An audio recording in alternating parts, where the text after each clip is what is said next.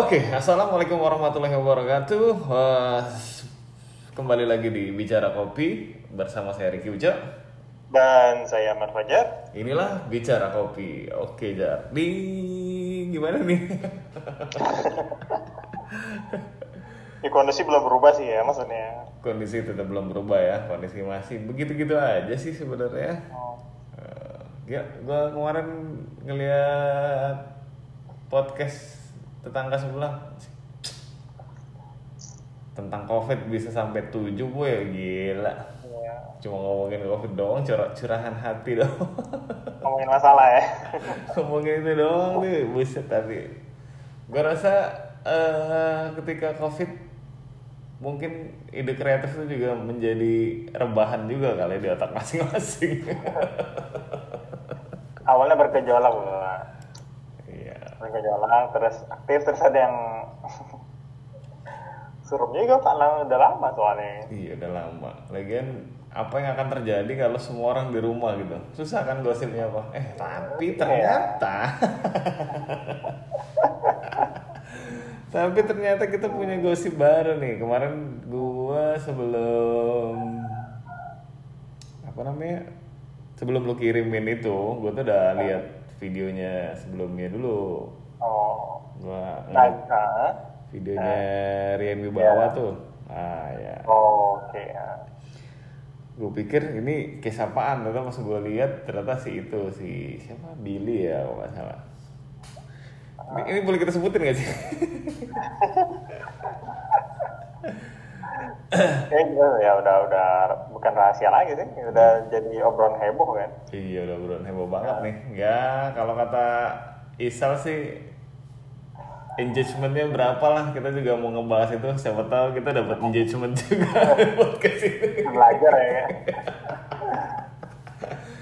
tapi enggak ini sesuatu yang menarik sih sebenarnya beberapa beberapa orang eh, yang dalam satu lingkaran dia teman-teman sih maksudnya kayaknya Ah. kayaknya pada membela dan bilang bahwa si sebenarnya si Yang ya si Billy itu numpang tenar ya atau apa sih bahasanya kemarin gue lupa Apa pansos? Apa? Iya pansos lah kali ya gitu. Karena katanya komplain tidak di tempatnya gitu loh. Karena dia komplain di media sosial gitu. Oke. Nah, Oh mungkin iya mungkin enggak juga sih pak. Kalau menurut gue ya boleh atau enggak sih mungkin tergantung lah ya. Karena kalaupun memang ada kolom komplain, gue rasa kadang-kadang kolom komplain tuh kadang-kadang nggak nggak digubris juga pak. ya ada ada tipikal orang yang beberapa harus memang harus didatengin, ditampar gitu. Ada yang harus eh cukup diomongin aja gitu kan. Kita kan nggak tahu ya. Iya, eh, maksud gue gini, eh, dalam apa pun ketika misalnya di dunia hospitality lah kita bilangnya, Ya. atau ya entah se apa eh, dari bis private ataupun dari publik gitu kan, instansi pemerintah lah kita ngomong ya kan sebenarnya semua sama kan, ada kanal untuk saran masing-masing kan. Iya benar. Tapi yang jadi pertanyaan kemudian ketika kita sudah menyampaikan, uh, misal ketika sesuatu tidak ber- mengalami perubahan, kita datang pertama nih, kan? Entah itu ke sebuah tempat makan atau misalnya lu ke kantor mana gitu kan dari Hmm, pemerintahan, iya. kemudian dapat sesuatu yang nggak asik, terus sekian bulan lu datang lagi terus nggak asik lagi, pertanyaannya apakah mereka nggak tahu kalau itu hal yang buruk gitu loh? Dan harus diperbaiki atau ya emang mereka nggak peduli aja gitu dengan omongan ah sorry komplain yang sudah masuk via kanal mereka. Kan itu pertanyaannya. Iya benar. Gua- mungkin orang ada yang langsung meminta ya udahlah lu nggak akan berubah kalau gue sampein langsung. Gue tembak aja nih biar semua orang gue yakin kayaknya nggak semua ah semua banyak deh yang ngerasain cuman gue mungkin gitu loh. Iya, toh kita sebenarnya ke coffee shop itu juga merasakan hal yang sama kalau Billy. jujur loh, jujur loh, jujur loh. kalau gue iya lah gue juga iya, gue gue gue mau bini gue tuh pagi-pagi ke situ ya kurang lebih sama juga sih sebenarnya. landing kan mbak posisinya Iya benar. dan dan apa harusnya sih memang nggak eh, nggak lagi rame-rame banget lah pagi-pagi saat itu kayaknya sepi-sepi aja gitu ya mungkin gue rasa mungkin ini eh, dia juga mengumpulkan eh, para orang yang komplain juga kali di situ. Mungkin dia awalnya curhat gitu kan kayak gue curhat sama lo eh gue kemarin ke situ tuh tapi begitu pasti wah gue juga tuh. Karena kan terkadang orang juga sebenarnya orang kadang ketika tidak puas ya lebih kayak menjaga lah ya gitu kan. Mhm. menjaga artian ya mungkin gua doang kali ya gitu kan. Hmm. dan ntar gua salah kalau gua omongin itu tapi kan ternyata ketika ngobrol di lingkaran yang kecil kan ternyata sama gitu kan. itu rahma ya. Ya bisa jadi mungkin bisa jadi juga yang posting ini udah ngobrol juga sama lingkaran kecil ya sama ya. Iya. kita nggak tahu kalau itu. Cuma ini- kalau gua coba kalau gua jadi dia ya gua mungkin akan melalui step itu maksudnya pak iya sih benar tapi kalau gue sih sebenarnya iya atau enggak terserah lah ya masih oke oke Iya. aja cuma reaksi temen-temennya kayaknya di dalam satu lingkaran itu heboh banget ya Yowes. gue ngerasa ada ada ada ada beberapa kata-kata yang menurut gue tuh agak janggal juga gitu dan kayaknya ini pun kita bahas juga pak gitu. Karena yang uh, sebenarnya ini sesuatu yang selalu berulang nggak sih Pak? Maksudnya ini udah selalu dari dua sudut pandang yang selalu berulang, entah itu dari ya katakanlah lu punya coffee shop gitu kan, lu punya kedai, Mm-mm. lu punya sudut pandang bahwa oh kalau lu nggak puas, lu gini dong gitu kan. Nah, Iya. sementara misalnya katakanlah gue sebagai konsumen, wah kok lu gitu doang, gue harusnya dilayanin begini-begini gitu loh. Saya kan selalu kayak gitu ya sih. Iya sih bener Cuma ya iya sih. Cuma kita nggak nggak ada ini ya. Mungkin dia harus diundang ke podcastnya Deddy Corbuzier buat konfirmasi. Apa? perminta maaf.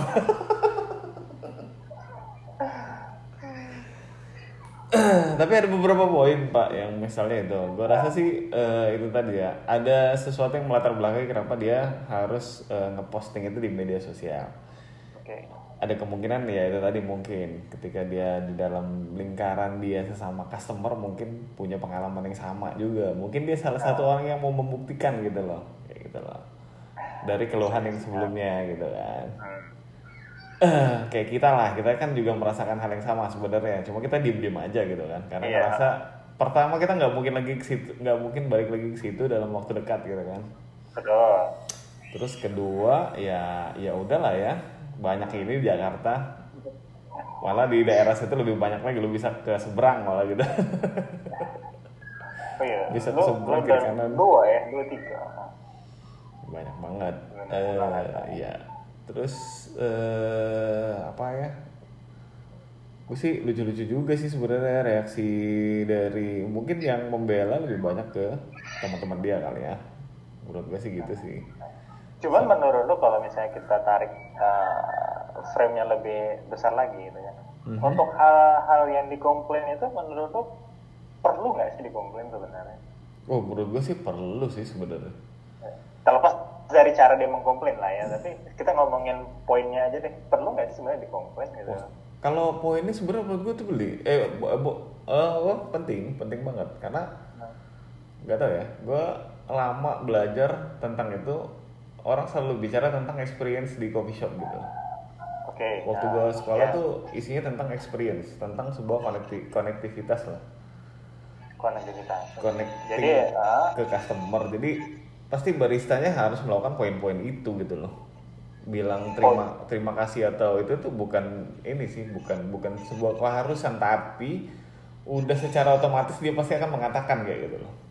Oke, itu sudah sudah menjadi sesuatu yang naluri. Dan lari ya, bukan wajib lagi ya. Iya, ini udah robotik banget maksud gue kalau Udah yang robotik banget benar-benar. itu sih menurut gue sih harus ya. Jadi eh, ada poin yang memang beberapa tem- eh, beberapa orang yang membela coffee shop ini gue sih bilang ya toh gue cuma di situ cuma bayar kopi doang. Gue rasa sih enggak kali Iya, kalau misalnya di statementnya itu kita cuman bayar kopi atau cuman beli kopi, maksud gua eh, bukannya kita tuh ke coffee shop itu pengen mencari esensi di luar kopinya ya, maksudnya di luar produknya gitu. iya kalau gue Nah, bilang kalau cuma beli kopi ya ya udah sih lu beli ke Indomaret ke Alfamart gitu kan lu bisa bikin kopi maksud gue kan gitu iya bahkan lu kalau di Indomaret pun masih dibilangin terima kasih pak masih ada experience-nya juga Iya, iya, iya juga. datang masih disambut lah ya Iya, gitu, itu disambut masih ya. disanggup. Katakanlah ke warung lah lu gitu loh, sesuatu yang gitu. Cuma maksud gua ini ada apa sih? Ya kalau gue bisa bilang sih sebenarnya eh, kita bicara tentang experience di coffee shop. Kita banyak banget bahas ini ya, di, terutama di podcast bicara kopi ya. Kita Iya. ngomongin musik lah kemarin, terus tuh mungkin beberapa akan ke arsitektur, terus tuh tempat duduk, smoking room dan tidak yang non smoking gitu Iya. sebenarnya itu sebuah experience yang memang musik lah ya salah satu yang kita pernah bahas ya Iya. itu kan salah satu dan yang paling nyata lah iya salah satu experience yang sebenarnya ada tapi nyata cuma lo nggak nyadar aja gitu. Cuma kalau lo bilang apalagi lo sebagai pelaku punya kedai gitu lo bilang ya tau gue cuma bayar kopi doang. Ya gue rasa sih enggak ya. Harusnya lo eh, tidak senaif itu untuk ngomong bahwa gue cuma beli kopi doang. Lo pasti mencari experience yang berbeda gitu loh. Betul. Dan dan lu juga pasti akan memikirkan itu gimana supaya konsumen lu nyaman kan? Iya kan benar kalau cuman beli ya kenapa lu harus mikir kenyamanan konsumen gitu loh Iya, sebagai contoh gini misalnya. Lu experience nih misal, lu pernah kan ke kedai kopi yang isinya temen dia mereka dan baristanya Betul. ngobrol sama teman-teman dia doang. Lu sebagai orang yang juga berinvestasi ke kedai itu maksudku. lu jadi merasa tidak nyaman kan? Experience lu nggak dapat, experience lu jadi experience yang buruk maksud gue tuh. Lu tidak akan membayar, lu nggak pengen sebenarnya membayar itu kalau misalnya ini ada ada ada yang aneh lah maksud gue tuh ada sesuatu yang sebenarnya dicari selain kopi ketika lo harus ke coffee shop Betul, ya. Bang. Kalau menurut gua sih ya itu esensi dari uh, sebuah coffee shop itu ya experience-nya. Entah itu tempat nongkrong ramean, lo mau sendirian, lo mau ngobrol sama baristanya itu kan bagian dari experience. I- iya sih sebenarnya. Nah, Even- yang yang yang kemarin kan masalahnya kan eh, kalau gue kemarin berpikir kalau itu dicari tapi menurut lo kan itu gimana? Itu kan sesuatu yang apa ya emang udah dibikin kan? Iya. Ya ini ini sih lu ya gue ngerasa bahwa ya gue nggak gue nggak bilang pro ke Billy juga gitu ya. Cuma gue pro ke poin-poin yang memang dia dia tulis gitu. Buat gue itu semuanya penting gitu. lo bikin connecting maksud gue eh, Starbucks di zaman dulu waktu dia sebelum bikin coffee shop tuh gue pernah baca. Dia tuh ngelakukan riset di Italia gitu loh lebih dari dua Oh, tahun. langsung ke sana? iya langsung ke situ. Lebih dari dua tahun. Begitu pulang apa yang dia bilang? Ya experience-nya adalah di sana tuh orang ngopi bertegur sapa gitu loh sama baristanya gitu loh. Jadi ini adalah sesuatu yang cukup penting memang dan eh, bukan sebuah bualan ya. Kalau misalnya lo eh, bicara tentang tegur menegur connect eh, sama customer tuh bukan sesuatu yang eh, asing. Dan mungkin kalau lo pikir bahwa nggak semua orang ingin diajak bicara iya emang benar. Cuma kita tetap harus melakukan kata-kata pertama juga gitu loh. Selamat datang terima kasih itu sesuatu yang sudah dijalani secara otomatis menurut gue sih kalau lo udah jadi barista. ya iya sih ya berarti lo nggak harus jadi barista sih untuk mengucapkan selamat datang lo jadi orang aja iyalah ya lu sebagai orang orang yang beradab dan Iya. ya, intelektual ya Iya, kan kalau nggak salah pokoknya eh, tidak ada semacam keramah tamahan itu satu. Yang kedua, yang mungkin juga kalau itu gue setuju banget artinya berdasarkan pengalaman dan berdasarkan pemikiran gue ya, ya, ya itu sebenarnya tidak harus dikomplain karena tidak harus se- seharusnya tidak terjadi gitu loh maksud gue ya. iya benar Ya. Nah kalau apron pak, gue selalu tertarik dengan apron sebenarnya. Oh iya iya iya. iya. Dia membawa apron. Nah kalau apron gue bingung nih pak, gue nggak bisa komen juga. Kalau apron gimana ya? Itu kayak kalau gue bilang apron itu kayak shieldnya si barista sih. Kalau gue bilang sebenarnya penting gitu ya. Kalau gue ya, opini gue sih bilang itu penting sih. Eh, apron itu penting karena kadang ada sesuatu yang eh, kopi nyiprat itu nggak langsung ke baju. Itu aja sih sebenarnya. Oke. Misal lu kegiatan barista itu kan banyak sampai nyuci piring juga gitu. Kadang-kadang air sabun juga kadang-kadang nempel ke baju secara nggak sengaja. Nah sebenarnya lu butuh banget sih sebenarnya itu apa apron yang bisa melindungi diri lu dan gue menyarankan tetap berwarna gelap supaya tidak terlalu terlihat dan tetap dicuci setiap hari gitu Nah, dan beberapa SOP di masing-masing negara tuh agak berbeda juga ada yang mengharuskan pakai topi ada yang enggak gitu loh topi.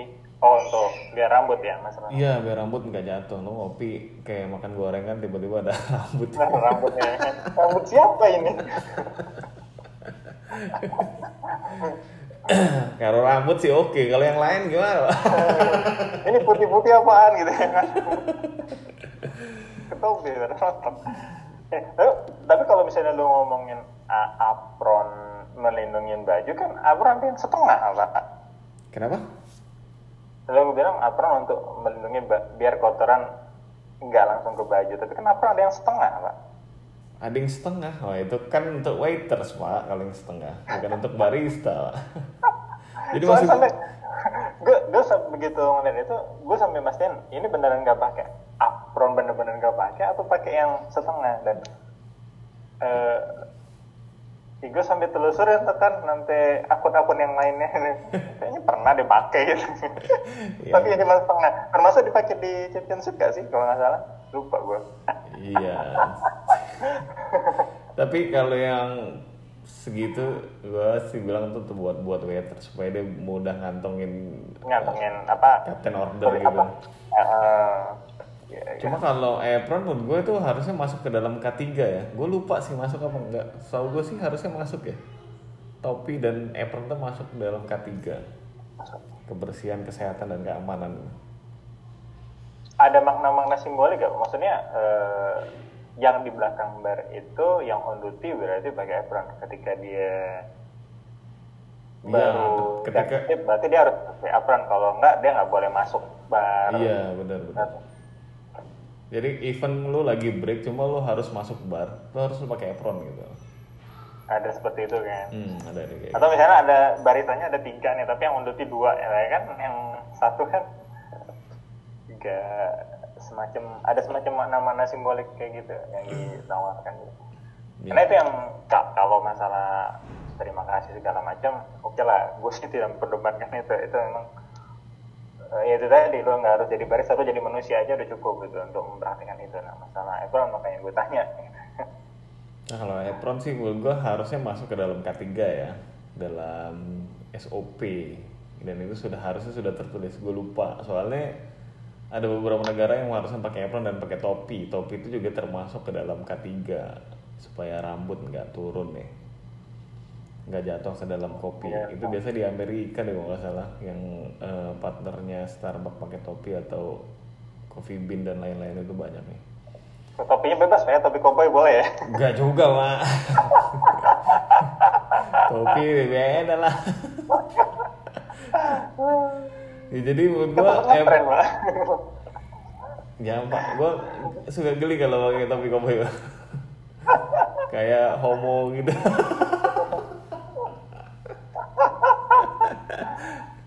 Tapi enggak kalau apron sih menurut gua eh, harusnya menjadi su- sesuatu yang penting karena eh, ada nggak sih yang ikut ikutan eh, lomba-lomba gitu nggak pakai apron? Eh, makanya gue sampai searching pak ke itu ke akun yang yang ikutnya dari situ. Setahu gue Raymond, Miki dan lain-lain tuh pakai semua. pakai pakai kalau mereka masih pakai. Iya pakai, berarti kan ada sesuatu dong kalau gitu. Bisa nggak ada nggak yang nggak make? Terus juara gitu. Menurut gue sih nggak ada ya. Malah harusnya sih make. Malah ya memang ada beberapa yang kalau nggak salah si Agnes kemarin dia sebelum juara Jojian tuh pakai apron cuma setengah ya kalau nggak salah. setengah kalau nggak salah makanya itu yang enggak Ya, ini tuh lo jadi pertanyaan lo ya. Ah. sekedar mau mastiin dia benar gitu ngomong nggak pakai apron tokennya dia pakai setengah nggak kelihatan gitu Gak sih menurut gua itu sesuatu yang penting juga ya. Jadi kalau lo bilang apronnya kalau dia nyinggung apron atau enggak, eh, mungkin dia pernah baca itu sesuatu yang eh, dibutuhkan juga gitu loh. Salah satu bukan aksesoris ya jatuhnya ya. Pakaian yang wajib dipakai gitu mungkin sama barista. Terus nah itu ah, ah. apa lagi? Ya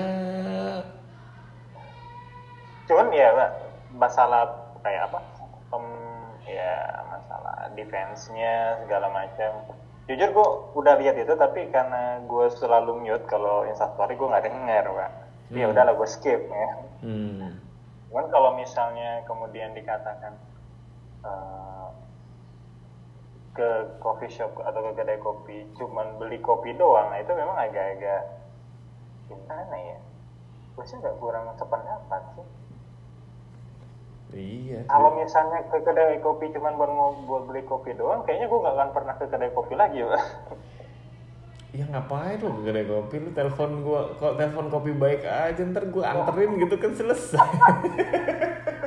apalagi zaman sekarang kan pak ya Ini zaman sekarang. Eh orang tuh udah pengen banget tau nggak nongkrong di coffee shop. Terus lu pikir orang ke coffee shop cuma beli kopi kopi. doang, wear kopi doang kan nggak mungkin. Makanya aku pikir kok ini eh, komen yang terlalu apa ya naif atau terlalu membabi buta kesannya kalau membela. Gue Iya. sampai mikir gini pak, eh, ini sebenarnya dia rame atau diramein apakah karena bawa-bawa yang ngepost bawa-bawa Starbucks atau gimana? Ini karena dia bawa-bawa HD doang nih, Wah. Makanya ya kan kalau yang ngomong itu gimana sama Hade terus yang ini, oh dia mau buat Starbucks ya. Ya kalau misalnya gua kayak ya kita aja ngata-ngatain kedai kopi lain selain kopi baik coba misal. Yang bela banyak pak. Coba kalau kopi baik di kedai kan di diem diem aja.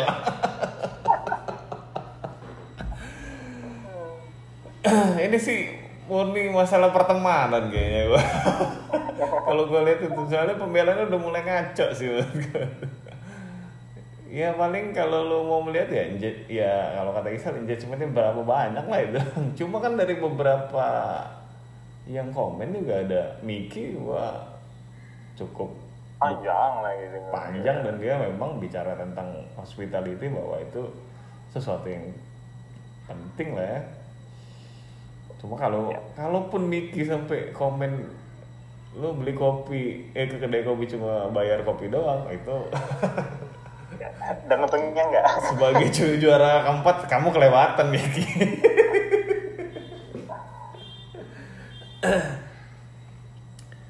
Tapi ya menurut gue sih kalau memang itu menjadi ya itu sih apa ya gue bilang lu konyol banget deh kalau ada kata-kata itu menurut gue tuh soalnya orang tuh saat ini lagi bela-belain banget gimana caranya tuh harus bisa nongkrong lagi di kedai kopi. Masalahnya apa? Karena lu rindu banget sama ambience experience yang ada di kedai kopi lu gitu loh. Jadi kalau lu punya kedai dan lu menjawab dengan kata-kata seperti itu yang menurut gue naif banget itu jadi aneh sebenarnya Nah, cuman Pak, kalaupun misalnya kondisinya kayak sekarang nih ya,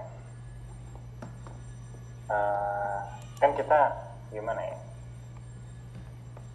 Oke lah, kita kayaknya sepakat kalau ini nggak akan benar-benar selesai 100% lah. ya Apa masalah COVID ini? Dan mungkin kita akan pada akhirnya memilih untuk berdamai lah ya.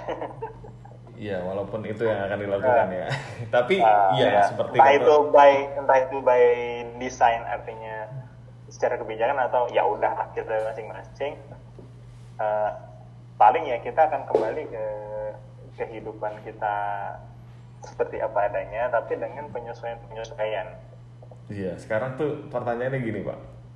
Ini pak ya, gue mau nanya Nah. jujur sama lu pak. oke oke Kalau seandainya nih pak ya, skenario itu dijalankan pak misalnya, skenario herd immunity dijalankan, oke dia mulai membuka sekolah-sekolah misalnya pak.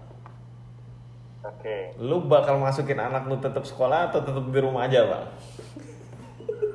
kalau gue oh, kalau gue gue tetap beraktivitas seperti apa adanya tapi dengan beberapa penyesuaian itu tadi.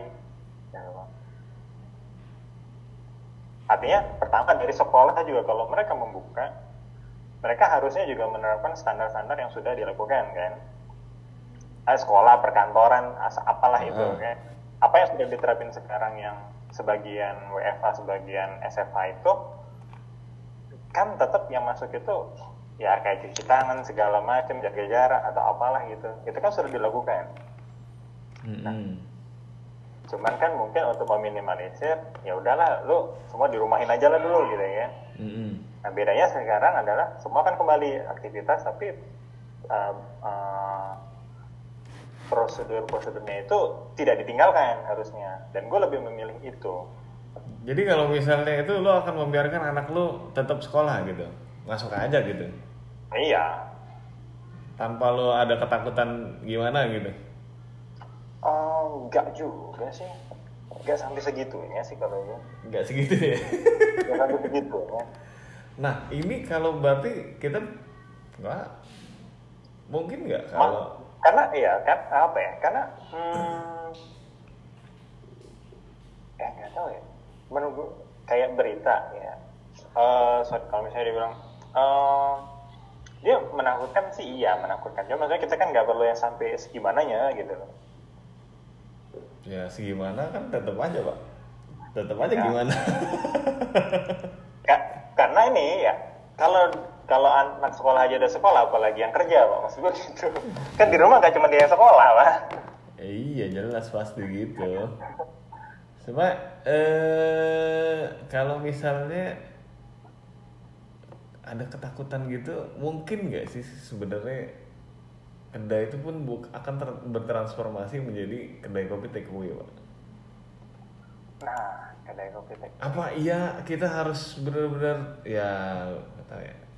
Berarti Ya. udah mulai hari ini gitu loh. Kalau misalnya katakanlah hari ini dibuka gitu, mulai hari ini dibuka sampai bersekian tahun kemudian di depan, berarti kita akan punya standar yang sama gitu ya. Tetap punya galon di depan untuk cuci tangan sebelum masuk kedai gitu. menurut gue sih mungkin aja pak Ya, sama kayak gini lah pak Eh, eh, dulu kita masuk mall udah masuk masuk aja kan pak Ya.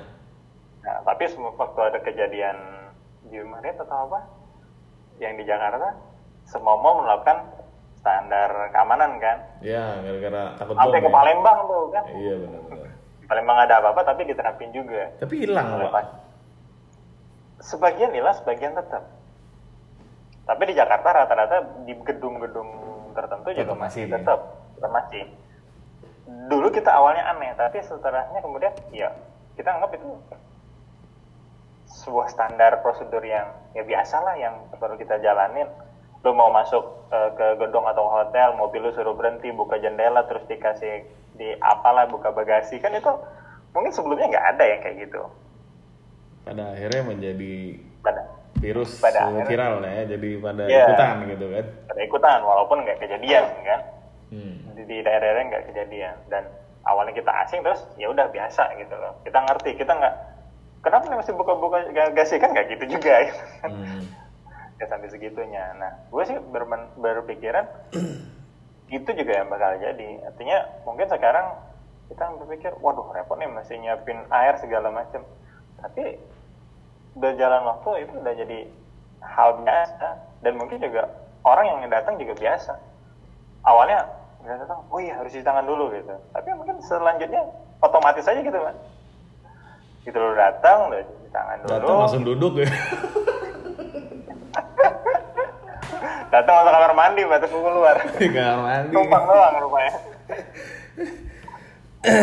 tapi mungkin gak sih kalau masa apa eh, banyak banget meramalkan bahwa nanti ya lu kemarin kasih gua eh, sebuah postingan apa ramalan 2022 semua orang punya kayak motor elektrik tapi tertutup gitu gitu kan. ya. udah jalannya udah udah nggak jalan kaki seperti biasa gitu loh mengingat eh, kondisi udara ataupun eh, mungkin ya dalam gambaran itu. Dan penyakit di mana-mana gitu. Jadi mungkin nggak sih kalau sebenarnya masa depan coffee shop kita ada di takeaway? Atau mungkin sebenarnya paling nggak kita harus mempersiapkan satu atau dua kedai kita wah CL. Terus satu khusus nongkrong, satu khusus take away ya. iya khusus takeaway gitu kan atau mungkin ada coffee bag express. enggak pak itu baik to go pak kalau yang express punya baik orang pak Gue punya terang ya. Iya, atau mungkin gua bikin eh, yang di Demang eh, coffee shop terus di depannya ada untuk drive thru gitu. kayak kayak kopi gitu tapi di depannya motor semua gitu. Gak apa-apa, Pak. Asal lo ngasih space buat orang parkir aja, Pak. ya, jangan apa- ngambil jangan jangan, jangan ngambil lahan Pak. Namanya lu usaha kan harus ada ngasih space, Pak. Ketentuannya kan kayak gitu. Oh gitu. Berarti Ada, Pak, ketentuannya. Itu gagal juga berarti ya kalau kita bikin ada drive thru di situ ya. Emang lu pikir kenapa orang bikin ruko jauh banget dari jalan? kan ada ketentuannya kayak gitu maksudnya. iya, Cuman maksud gue kalau misalnya eh, take away, menurut gue sih kita nggak akan berubah secara drastis bahwa setelah ini selesai. Ya nggak mungkin. Pertama, kalau menurut gue sih pola kita yang sudah ada ini kan nggak mungkin langsung berubah. Ya lu biasa nongkrong, masa tiba-tiba nggak nongkrong gitu. Iya. Itu rasanya sekarang nggak aja udah dipaksa gitu, Pak. Lu nggak boleh nongkrong tapi lu boleh ke mall gitu. Iya. Ya, berarti ngomongnya tuh penting, Mbak. Gitu, ber- pergi langsung pulang, Mbak. Nggak nongkrong lagi. Biasanya lu beli baju sejam, mereka nongkrongnya berapa jam. Sama-sama barang tersier itu, Pak. Nah, tergantung, Mbak. Menurut siapa? Menurut yang orang yang passionnya mau lebaran harus baju baru, primer, Mbak. iya, iya, iya. tapi ya, ya. Nah, kalau misalnya, tapi memang eh, ini kan juga mendukung apa ya? eh, pada akhirnya sebagian orang juga beralih. Ada yang awalnya mungkin hanya menyajikan di tempat benar-benar pure dine in gitu kan, Hmm.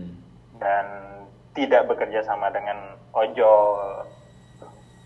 Terus sekarang juga kerja sama tipis-tipis ya kan.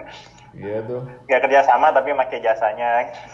Iya dengan tulisan-tulisan yang menurut gua sekarang sih fiturnya ojol memang kayak gitu. Jadi maksud gue eh, nggak bisa enggak sih pak, nggak bisa diabaikan lagi gitu kondisinya.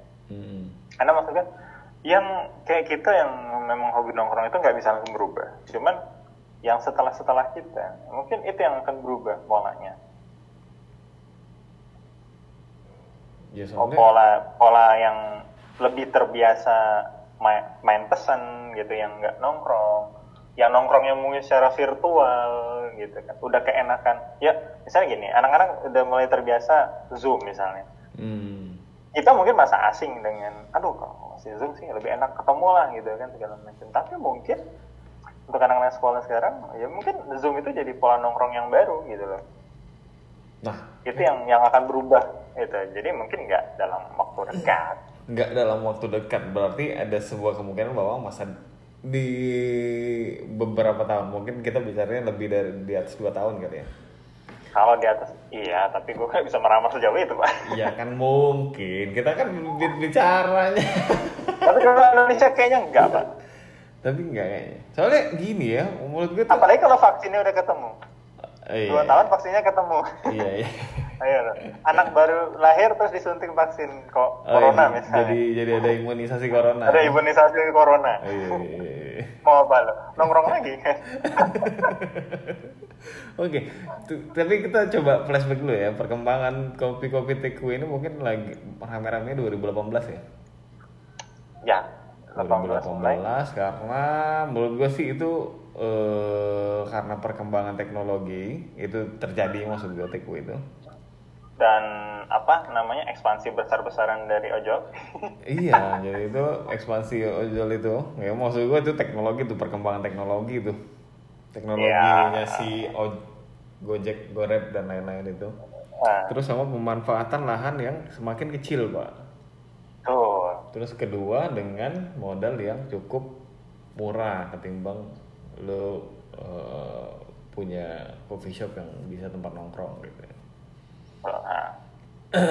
Jadi ini ini yang dimanfaatkan orang-orang atau pebisnis kopi ketika di 2018 mendatangkan banyak banget eh coffee shop coffee shop takeaway yang menurut gue tuh juga cukup berhasil juga pak. Beberapa orang tuh akhirnya menjadi eh latah untuk ikutan beli gitu loh. Dan menurut gue tuh eh kita mungkin bisa aja dikalahkan secara budaya ya maksud gue tuh, bukan secara omset ya. Secara budaya bahwa mereka memang akan mengalahkan coffee shop coffee shop yang konsepnya nongkrong gitu loh. Takutnya sih seperti itu karena eh itu tadi belum lagi diperkeruh dengan masalah eh apa sih ini namanya? Corona ini wabah ini gitu loh. Jadi ya akibat perkembangan tuh menurut gue sih ada kemungkinan mung- nggak tahu ya. Mungkin nggak sih kita dikalahkan juga sama eh, kedai kopi yang berbeda itu kayak takeaway.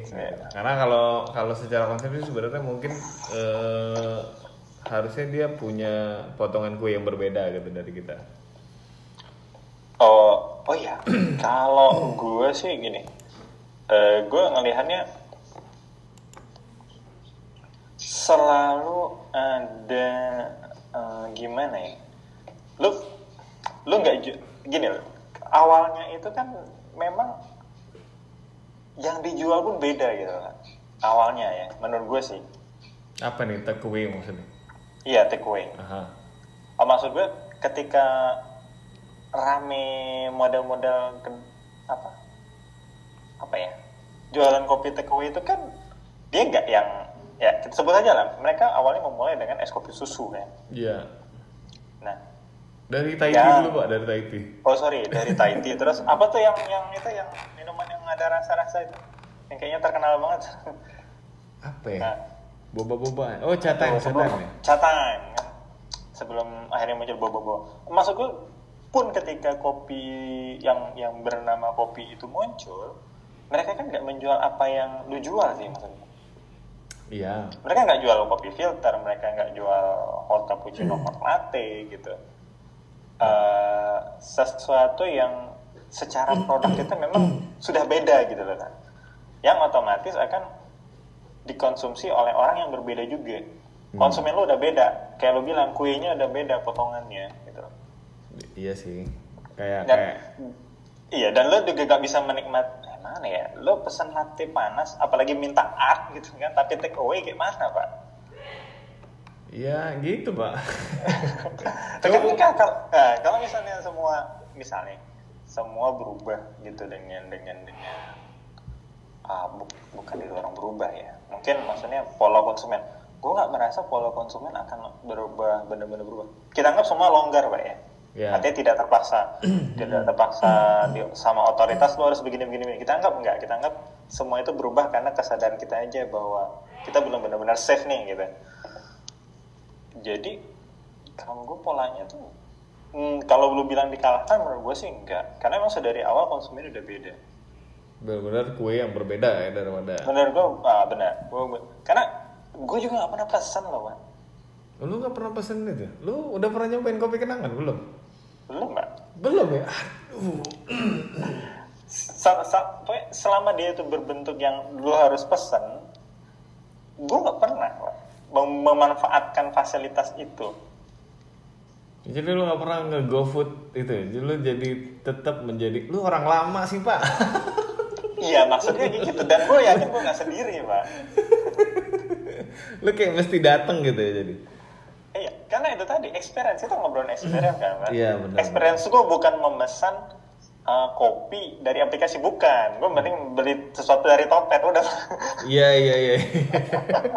experience gue di situ bukan beli misalnya gue buka GrabFood, GoFood terus gue pesan kopi dari tempat lu mungkin misalnya kayak gitu. Mungkin gue gak yang tipikal kayak gitu. Karena experience-nya kan akan beda. Iya. Experience ngopinya. Kalau itu ngapain gue pesan, Pak? Kan gue tinggal bikin.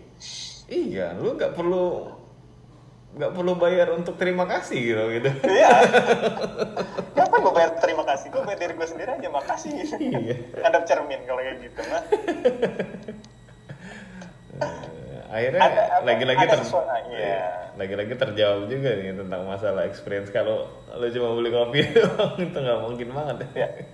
Lagian juga misalnya buat sebagian orang, sebagian orang juga nongkrong ke tempat ngopi kan nggak ngopi, tapi mungkin dia ramean sama temennya maksudnya. iya bisa aja Dan dia- masa ketika lo nggak diterima kasihin, oke lo mungkin nggak masalah kan nggak diterima kasihin karena lo ramean. Iya. Tapi kan nggak mungkin juga itu barista lu berlima mereka lu berlima lewat nggak ada diterima satu misalnya kalau kita balik ke case yang tadi. loh. hmm Artinya kan tetap ada experience yang lu cari ketika lu mengunjungi sebuah tempat bernama coffee shop, kedai kopi, apalah itu gitu loh. hmm oke Entah itu pun warung kopi gitu. Lu keluar kopi aja gitu kan. Lu keluar dan terlihat entah itu oleh pelayannya, oleh yang bikinnya, yang punyanya. Gak mungkin lu nggak ditegur gitu loh. Dan lu datang ke situ karena kan lu berharap ada sebuah experience. Entah itu sarapan bareng gitu kan misalnya. ketemu cewek cakep lah ya mungkin ya Ya kan, Atau ketemu gitu cowok-cowok kan. Semua misalnya di sana tongkrongan siapa, oh di sana ada apa yang suka nongkrong ya gitu. Iya, Nggak iya, tahu. iya. Atau balik lagi ke obrolan kita di sana musiknya enak gitu. Kalau ngomong, oh musik gue playlistnya enak, gue pesan aja gitu sendiri terus gue dengerin di kamar pakai playlist dari musik gue. Ya gimana? iya sih bener sih tapi ya iya ya eh lu sempat bilang bahwa kopi take away itu bukan coffee shop gitu Ya, gue Itu- gue nggak merasa, gue tidak bisa mendefinisikan uh, kopi take away itu sebagai kedai kopi sih. itu cuma ya? itu Tapi itu definisi gue sih. Iya, mungkin karena itu cuma menjadi sebutu, ah, sebuah kebutuhan ngopi doang, bukan kebutuhan buat nongkrong kali ya atau menikmati. Jadi lu kalau take away itu benar-benar ngopi doang, nggak menikmatin kali ya.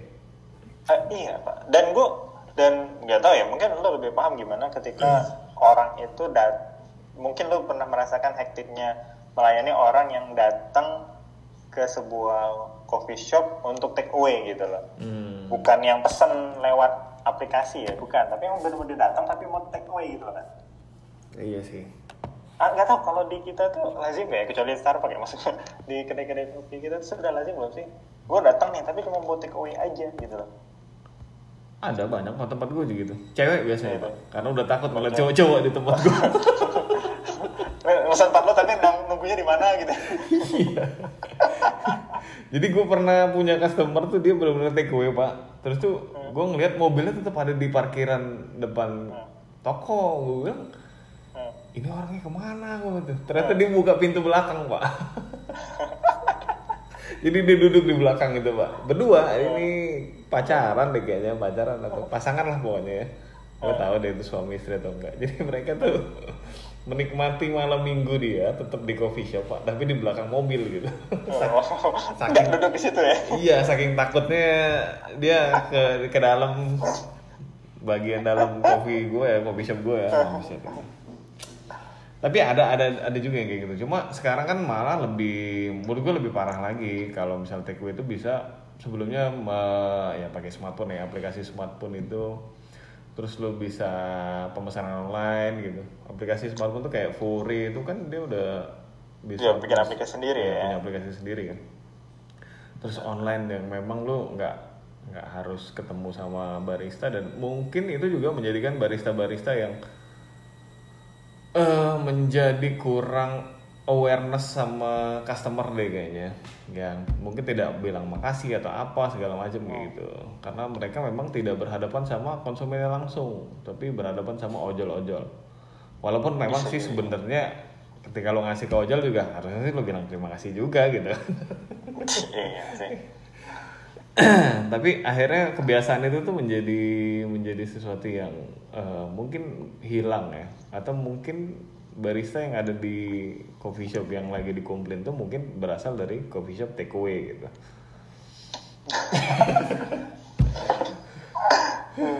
Atau tapi gue gue eh, tapi lo inget kan tempat itu gimana kan ya?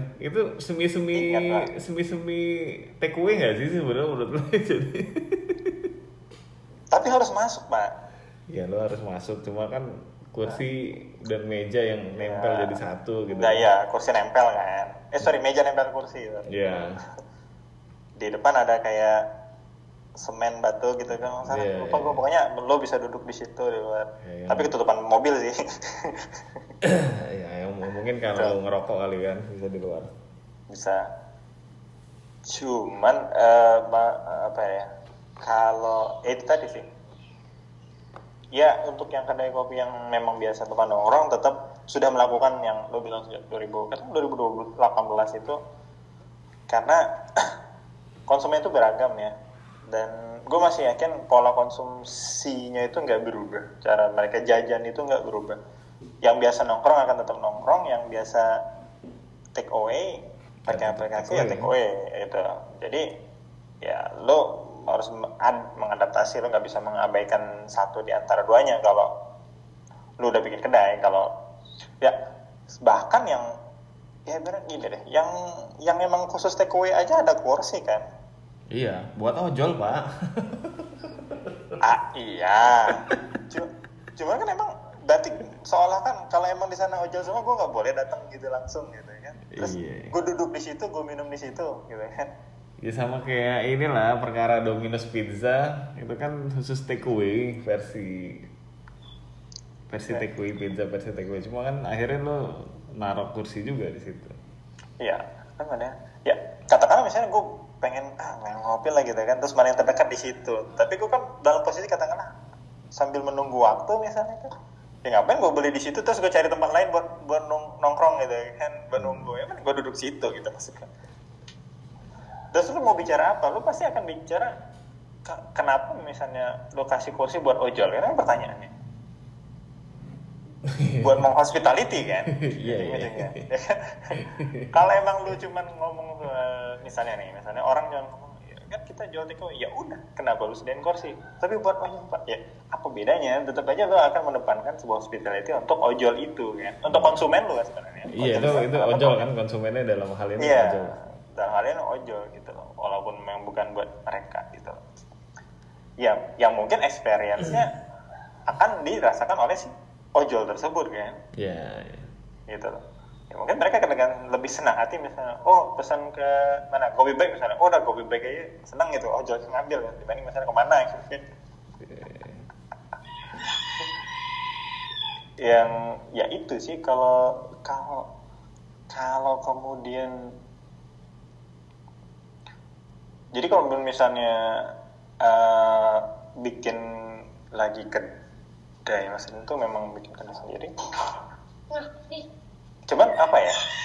Ah memang sebenarnya kalau kita udah lama ngobrol dari lu pertama buka kayak kita udah pernah ngobrol sebenarnya kita tuh mungkin gak sih kita pola eh, kayak yang lu bilang apa yang kita dulu lihat di Jepang itu yang biasa diposting kan ala Ya, Jepangan yang model take away doang yang kecil-kecil di pojok-pojokan Iya, gue rasa kalau kalau di Jepang atau Australia yang juga cukup banyak juga ya, coffee shop kopi coffee shop eh, take away itu sih sebenarnya karena mungkin lahan yang yang semakin kecil ya kalau di Jepang ya. Iya. Tapi kan ya kita tahu. cuma kan lah. mereka nggak pakai ojol kan pak maksud gua Iya, cuma di negara maju pak kopi itu udah menjadi kebutuhan pak.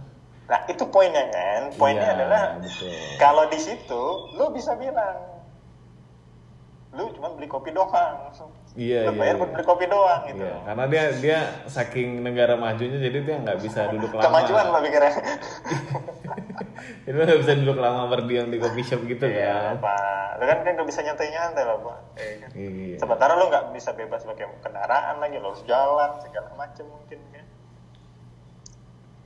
Nah, Iya. itu kan kondisi yang di mana konsumennya datang sendiri. Dia. Beda dengan kita lah yang banyak kan ojol. Makanya gue nanya tadi, Mbak, ada nggak yang berlangsung karena kayaknya kalau dilihat kan rata-rata, apalagi kalau gue lihat di film-film kan orang antri tapi kan sebenarnya take away. Iya. Banyak, banyak yang take away juga gitu. Hmm. Tapi kan antri sendiri. Masa iya kayak gitu mau kagak dia apain Tapi ya, nah, ya. Cuma mungkin kalau di budaya kita mungkin kopi masih tuntutannya lifestyle kali ya. Ah, ah, iya. Sebagian, sorry, sebagian mungkin Balik. ada yang memang hanya untuk mengakses eh, benefitnya di coffee shop, wifi misalnya, katakanlah gitu.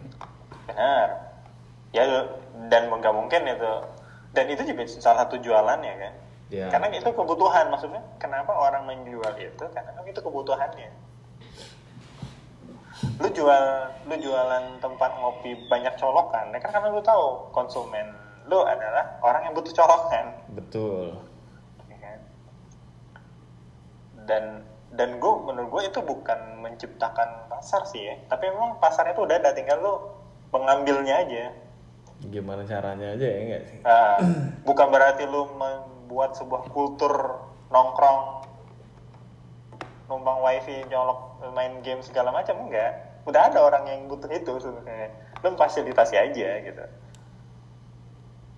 dan menurut gue sih kita masih di tahap itu gitu Ya, Cuma kalau walaupun setelah pandemi ini berakhir, bu, pandeminya mungkin nggak berakhir tapi mungkin Eh. kita nggak kebijakannya udah lebih longgar lah ya udah lebih longgar untuk menghasilkan 70% itu.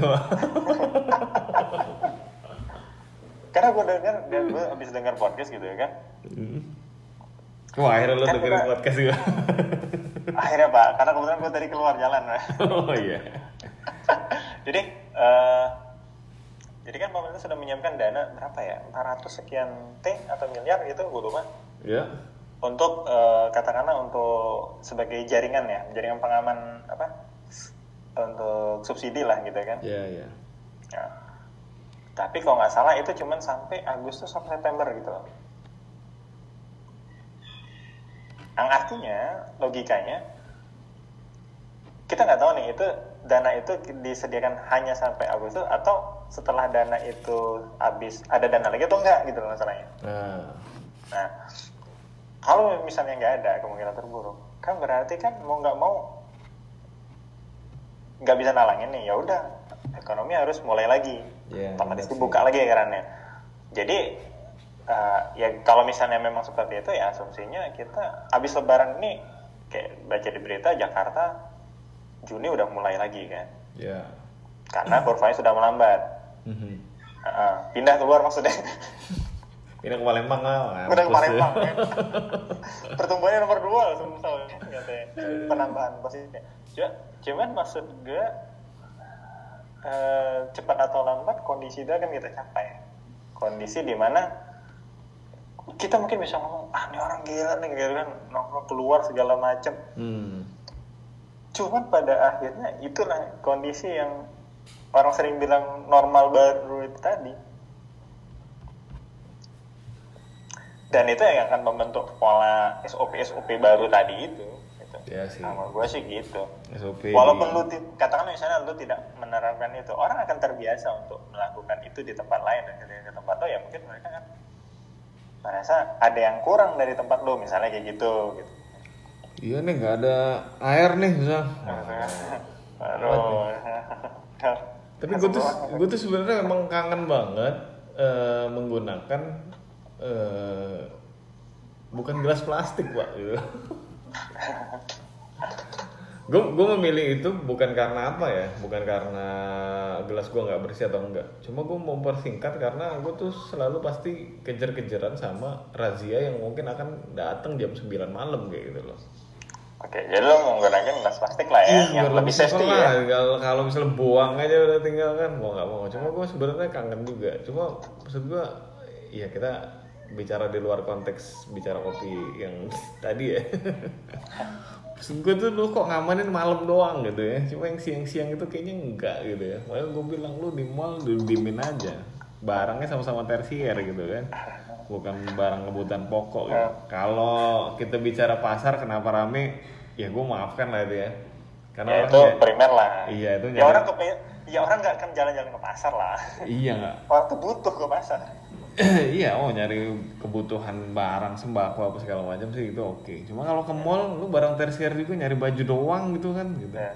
yang kita nggak tahu ya mungkin kayaknya lebarannya bakal tetap rame sih itu aja sih coba pertanyaan. Iya lah ya apalagi kan secara aturan kita nggak akan melakukan apa-apa sampai lebaran. Kan Iya. PSBB mulai habis lebaran. Iya cuma Palembang ya. cuma itu yang menjadi gue kecewain juga tuh pak kalau misalnya kita tidak melakukan apa-apa sampai sebelah lebaran ngapain lu ngerazia makin cepet gitu loh tetap ada razia ngapain juga ya kan Iya. nanti habis lebaran ini Iya kan nanti PSBB juga habis lebaran. Ya udahlah kita sekarang santai-santai aja dulu gitu. Eh, lepas-lepas aja dulu ya kan Maksud gue tuh gue bukan mau ini Iya. ya, bukan mau buka jadi sampai jam 12 malam, bukan maksud gue. Tapi gue jadi nggak, gue berasa ini deh pak, apa penjahat gitu maksud gue tuh. Yang setengah sembilan gue langsung, wah bu, cepet cepet cepet cepet cepet, cepet. Terus gue dengan berat hati eh, bilang bahwa ke customer gue mungkin yang itu jam setengah sembilan maksa gue harus nolak gitu misalnya. Terus bisa nggak sih gue tutupnya jauh lebih santai katakanlah oke lah nggak usah jam 9 lah jam 10 gitu kan nah, lu bayangin ya seenggak ya seenggaknya lo bisa lebih santai lah walaupun tutup lebih cepat tapi lo nggak harus iya yang gerasa gerusu kesannya ya kan? Itu gue gerasa gerusuk banget tuh tiap malam gitu. gue tuh jadi kayak nggak bisa gue tuh kadang-kadang gue males lagi males sih misalnya ke toko gitu kan. Cuma kalau inget-inget bakalan derajat jam 9 tuh rasanya wah harus ke situ nih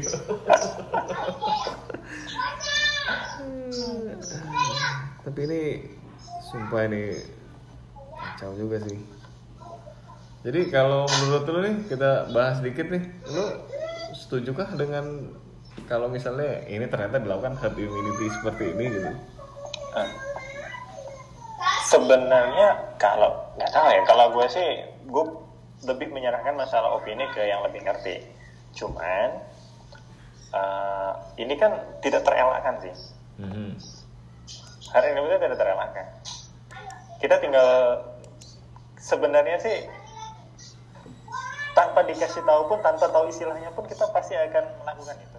Kita akan men- menempuh fase itu kok kalau menurut gue tanpa lo tahu istilah herd immunity lo akan melam- kita semua akan melalui fase itu kok. Aha.